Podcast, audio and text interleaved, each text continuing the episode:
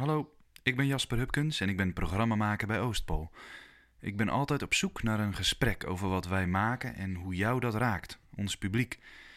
Ik zoek naar manieren om extra context te bieden bij onze voorstellingen en ons gezelschap, want elk nieuw verhaal kan in vele talen verteld worden. Onze plek van ontmoeting was altijd het theater, of er heel dichtbij. En die ontmoeting is er nu niet. Sinds deze week zijn onder andere de basisscholen weer geopend en mogen de kappers weer aan het werk, maar de theaters blijven voorlopig nog dicht. Toneelgroep Oostpol werkt wel door aan nieuw repertoire in deze tijd. Ons podium daarvoor is Troostpol op onze website, een virtuele weide voor de verbeelding. Ik vind het interessant om samen met jou in gesprek te gaan met de theatermakers die nu aan het werk zijn voor Troostpol. Want theater is een kunstvorm die bestaat uit intermenselijk contact en die gefundeerd is op een fysieke ontmoeting. Dus wat is theater dan in tijden van social distancing? Ik ga in deze podcast vandaag op onderzoek uit in het maakproces van de Decamerone 2020. Ik ga in gesprek met Keanu Visser. Creativiteit zorgt ervoor dat je een weg vindt. En Remy Meeuwse. Wat willen we met die tekst zeggen? Wat kan het nu betekenen? Twee van de zeven spelers die straks samen om half zeven op Troostpol vandaag, 13 mei, de première gaan spelen van de Decamerone 2020, de allereerste livestreamvoorstelling van toneelgroep Oostpol ooit. En ik ga in gesprek met regisseur Timothy de Gilde. Zijn repetities met de zeven acteurs begon op dezelfde dag dat de lockdown inging. We hebben elkaar één keer in het echt gezien, dus zo snel is het gegaan. Hoe heeft de afgelopen periode de voorstelling geïnspireerd? En welke verhalen vertellen we elkaar als er altijd een scherm tussen ons zit? Toen we begonnen aan het project, uh, toen zijn we er nog wel even van uitgegaan uh, dat we drie weken online zouden werken. En dat we dan zouden gaan repeteren op de vloer. Uh, maar de, god, die, de, de, maatregelen werden al snel zo aangescherpt dat het ons wel heel snel duidelijk werd dat we gewoon het hele proces online zouden blijven. Je, je, ging, je wist uh, dat je die voorstelling ging maken met die klas van Artes. Je, je zocht naar een, een, een ingang, een, een, uh, een tekst. Waar was je naar op zoek in, in deze tijd? Waar, waar zocht je naar als ingang voor, uh, voor de voorstelling? Kijk, omdat we in eerste instantie gewoon ervan uitgingen dat we op de vloer zouden gaan werken, Uh, en ook zelfs in de eerste week, toen we dachten, ah oké, we gaan drie weken online werken en daarna gaan we gewoon elkaar op de vloer ontmoeten. Mm -hmm. ja, ben ik gewoon met allemaal heel andere stukken zijn we bezig geweest. Daar hebben we het eigenlijk de eerste week over gehad. Toen ben ik tijdens die week heb ik gezegd: Ja, dit is toch wel een hele bizarre situatie. Dat we zo achter onze laptop zitten en dat er, uh, dat er een virus uh, door het land, of nou niet eens door het land, door de hele wereld yeah. uh, gaat. Ehm, dat ik toen de Decamerone een keer heb genoemd. Van goh, dat is toch eigenlijk ook bizar. Ehm, dat in dat boek Il Decameron van Boccaccio zijn er tien yeah. jonge mensen die de stad uh, uitvluchten, die met elkaar in quarantaine gaan en die elkaar elke ja. dag een verhaal vertellen. Die, die, situatie van het boek was gewoon letterlijk wat wij in Zoom aan het doen waren. Uh, zouden we niet eigenlijk die situatie gewoon ook als uitgangspunt voor onze voorstelling gebruiken? En zo zijn we eigenlijk een nieuwe uh, versie gaan schrijven, een, een, een, een, nieuw stuk, geïnspireerd op, zou ik zeggen. Uh, waarin we de situatie van Boccaccio gebruiken. Alleen dan um, het zowel in uh, uh, 1348, dat is ten tijde van de pest in Florence, uh, als nu 2020. Dat we het eigenlijk een beetje ertussenin gaan zitten. Waar speelt dit verhaal zich af? En we zijn natuurlijk ook met elkaar door al die fases gegaan van goh, uh, dat je in eerste instantie uh, denkt, ik bedoel, los van dat er natuurlijk allemaal persoonlijke uh, drama's zijn in, in, bij, bij mensen die iemand verliezen in deze coronatijd. Of, yeah. of, of bij mensen die iemand kennen die heel erg ziek is. Maar de allereerste fase heb je natuurlijk ook bij heel veel mensen gehoord. Oh goh, nou misschien eigenlijk even best wel lekker dat ik eventjes gewoon uh, minder bezig ben met mijn sociale contacten. Dat ik even gewoon alleen thuis zit, alleen met mijn dierbaren. Uh, en langzaam valt natuurlijk bij iedereen hoe, hoe serieus dit echt is. En hoe Ja. bizar dit is, wat er aan de hand is. En dan de volgende fase is de lengte. Dat het gewoon eh, ja, niet even zomaar opgelost is. Dat we hier echt nog even mee, mee, mee van doen hebben. En al die fases die hebben we ook meegenomen eh, ehm, in het stuk. Elke dag heeft een nieuwe emotie, zal ik maar zeggen. Op dag één is het nog best wel lekker, even met elkaar in eh, quarantaine zijn. Ja. Maar halverwege denk je, ja, god, eh, dit, eh, ja, dit is toch absoluut heel heftig wat hier aan de hand is. Ja. Er zijn mensen aan het doodgaan. En hoe lang zitten we nog met deze ziekte? Die eh Decamerone, dat is, dat is een bundeling van verhalen. En eigenlijk is de, de handeling is, is het vertellen van die verhalen. Wat betekent dat voor jullie in, in, in deze voorstelling, in deze bewerking? Ja, we hebben inderdaad heel erg gewoon het gegeven in eerste instantie overgenomen. En dat meteen al gedacht, we willen dat meer naar onszelf toetrekken. Ehm, want we zitten ook in die situatie, dus waarom gaan we het alleen over dan hebben? Ehm, en, maar er zit ook wel een verandering in. Dat we bijvoorbeeld eerst heel veel verhalen uit die Decamerone gingen gebruiken. En op een gegeven moment daar ook heel veel van weg hebben Mhm. gegooid. En toen juist zelf met allemaal verhalen eh, zijn gekomen die daar of thematisch wel op bleken, of juist ook weer helemaal niet. En het bleek gewoon hoe, eh, heel snel dat iedereen verhalen te vertellen had. Vervolgens begon iedereen als een malle te schrijven. Dus blijkbaar had iedereen al iets, iets klaar liggen of iets te vertellen. En Ja. En gaat het eh, naast vertellen ook over luisteren? Maar ja, wel ook over mensen die een verhaal doen of mensen die hun mening uiten en anderen die dat ook doen. En dat er zo langs elkaar heen wordt gepraat. Dus dat is ook wel een wezenlijk onderwerp waar we het over hebben. Over dat luisteren naar elkaar. Of luisteren naar de wereld. Jullie hebben de hele voorstelling gemaakt in de online eh, omgeving. Hoe, is het proces veranderd ten opzichte van jullie verwachtingen? Welke ervaringen neem je mee uit dit proces, nu het online is gegaan? Ja, het is wel echt compleet anders geworden dan wat we hadden verwacht. Eh, we hadden verwacht dat we gewoon met een bestaande tekst aan de slag zouden gaan. En daarin heel erg op spel zouden richten. We zitten in ons derde jaar van de toneelschool. We dachten, nu ga ik als speler dit uitzoeken. En ik wil als speler dit uitzoeken.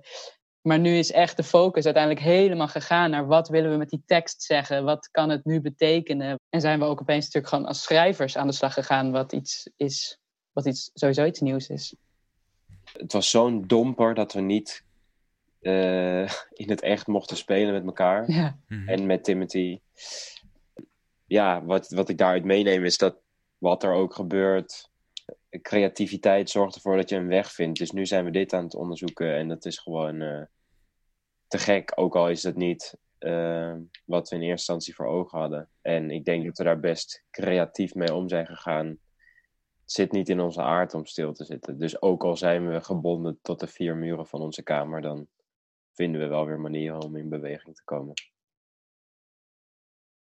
Eh, het is natuurlijk een groepsproces. Het is een, ehm, het is een groep die we zien. Is het gelukt om dicht bij elkaar te komen? Ja, ik, wat ik ook heel grappig vind om te merken, eh, omdat ik ze dus maar eigenlijk één keer als groep heb ontmoet Ja. voordat we eh, in, de, in de intelligente lockdown kwamen, zal ik maar zeggen. Ja. Je leert elkaar toch kennen. Ehm, ook al zit je elke dag weer eh, allemaal in hetzelfde kamertje, achter dezelfde laptop. Zo, langzaam ontstaat er toch eh, ook tussen mij en de, en de zeven studenten ontstaat er toch een, een geheel, ontstaat toch een groep, toch groepsdynamiek. Eh, er ontstaat humor met elkaar. Het wordt persoonlijk af en toe. En, en, ja, en zo ontstaat er wel echt iets online. Ehm, aan de andere kant mis ik het ook dat ik ze niet even kan ontmoeten. Ja. En ook zeker als we het hebben over de première. Ik vind Ja. het heel raar dat ik ze na afloop van de première niet live zie. Het is wel grappig, we hebben het wel met elkaar over gehad. Iedereen is al zenuwachtig, bijvoorbeeld. Dus dat gevoel is hetzelfde als bij een eh, normale, tussen aanhalingstekens, normale voorstelling. Het blijft ook eh, met elkaar iets creëren. En, uh, en ik dacht dus ook al heel snel, dat gaan we live doen. We gaan het niet nog een, een beeldregisseur of camera, een man of cameraregisseur, filmregisseur tussen zetten. We gaan het met elkaar live doen. Op een gegeven moment, zoals vandaag, schrijft natuurlijk een, een behoorlijk grote groep publiek ook aan. Hoe, hoe ervaar je dat publiek eigenlijk? Ja, het is toch wel echt anders. Of het is zeker aan het begin, uh, of tenminste, ik heb telkens als we beginnen dat ik denk, hoe, ze kijken, daar gaan we. Zo spannend, mhm. leuk. Ja. En ook gewoon toch het gevoel dat er echt een publiek heeft gekeken, ondanks dat het heel raar is. Dat gaan we ook sowieso missen, dat je ze niet tijdens het spelen kan zien. En daarbij ook nog dat, je, dat het live is, of zo, ondanks dat je dat bijna kan vergeten op zo'n scherm. Mm Het is nog steeds een beetje gevaarlijk. Ja, precies. Je kijkt toch naar iets wat elk moment mis kan gaan. ja. Lukt, lukt het om voorbij je scherm te komen, zeg maar? Ehm, ja, je scherm is natuurlijk ook gewoon je portaal naar de ander. We hebben bijvoorbeeld de afspraak dat we uh, soms in de camera kijken, omdat iemand je dan aankijkt. Maar zelf zit je dan in een zwart gaatje te kijken. Dus die ogen ontmoeten elkaar nooit. Ik denk dat je er voorbij gaat zodra je, zoals je ook met iemand kan praten en niet per se de hele tijd diegene in de ogen aan hoeft te kijken. Dat je gewoon je verhaal kan vertellen. Als dat gebeurt, dan, ja, dan kom je voorbij het scherm. Bijvoorbeeld al onze hele fysiek is gebonden aan een webcam. Ehm, maar daarbinnen zijn natuurlijk nog wel allemaal keuzes te maken. Maar ik kan me voorstellen dat het wel daardoor iets dichter bij jezelf ligt. Ja. Maar ik denk bij dit gaat het ook op omdat we ervoor hebben gekozen dat het dicht bij onszelf ligt, denk ik. Ja, ja. Dat we, we hebben het zelf geschreven en we hebben expres gekozen voor personages die dicht bij onszelf liggen. Dus. Ja, en daarbij merkten we ook dat dat iets was wat het medium vaak beter verdraagt. Het heeft snel een soort poppenkastgehalte op het moment dat je echt een enorme personage in gaat zetten. Uh, dat is meer de, de theatraliteit die in een zaal werkt. Dan gaat het vandaag in première. Gaat er, uh, gaat er theater in première vandaag? Ja, dat vind ik een hele moeilijke vraag. Uh, ja, er gaat een theatervoorstelling in première. Het project is ongelooflijk inspirerend en spannend. Eén, door de, door de uh, persoonlijkheid, uh, door de persoonlijke verhalen van de, van de studenten en, de, de, ja, de wezenlijke vragen die we elkaar in deze tijd stellen. Um, aan de andere kant, wat ook heel bijzonder is, het is echt, uh, ja, het is toch een beetje pionieren. Het is een beetje onderzoeken hoe dat moet online. Ja, wat je als publiek te zien krijgt, is een stream. Um, het is echt anders. Het is echt anders dan in een theater. Dus, uh, want ik dacht ook, we gaan geen film maken. Want dan moet er een filmregisseur uh, bij komen. En ik ben een theaterregisseur. Dus we hebben het eigenlijk heel erg theatraal aangepakt. We hebben ook theatraal geprobeerd te maken dat we in deze tijd gevangen zitten in, een, uh, in online gesprekken, zoals bijvoorbeeld in Zoom. Dus die, die theatraliteit daarvan, van gevangen zitten uh, in Zoom, die hebben we geprobeerd ook voelbaar uh, te maken. Hey, en, en is het jou ooit gelukt om je eigen ruimte te verlaten via die verbeelding, zeg maar? Um, leuke vraag. Uh, zeker. Ja, de, de, de verhalen van die zeven jonge studenten, ja, die vond ik toch wel heel erg inspirerend. Daar, daar zat toch wel zoveel uh, leven in. Ook in de twijfels van die verhalen. En ook in de pijn van die verhalen. En ook in de kritiek in die verhalen sowieso een heel erg inspirerend project. En heel waardevol um, om met uh, zeven jonge acteurs in opleiding uh, te praten over de waarde van kunst. Uh, hè, of de waarde van een goed verhaal zou het dan bij ons zijn. Praten over de waarde van kunst in een, in een tijd als deze. Maar je kan er ook ja. de vraagtekens bij zetten. Um, en zeker wanneer uh, de lijst met vitale beroepen naar buiten wordt gebracht, ja, daar zitten de toneelspelers niet tussen. En dat is wel, de, uh, denk ik, ook voor de studenten iets ja, waar je dan even opnieuw uh, vragen zet bij je toekomstige beroep. En ik vond het heel ehm, spannend en heel waardevol om het daar met hun, en ook heel bijzonder en persoonlijk, om het daar met hun over te hebben. Dit was de tweede podcast over de projecten van Oostpool in deze tijd. Hou onze Troostpool website in de gaten voor nieuw werk en nieuwe verbeelding. Tot snel.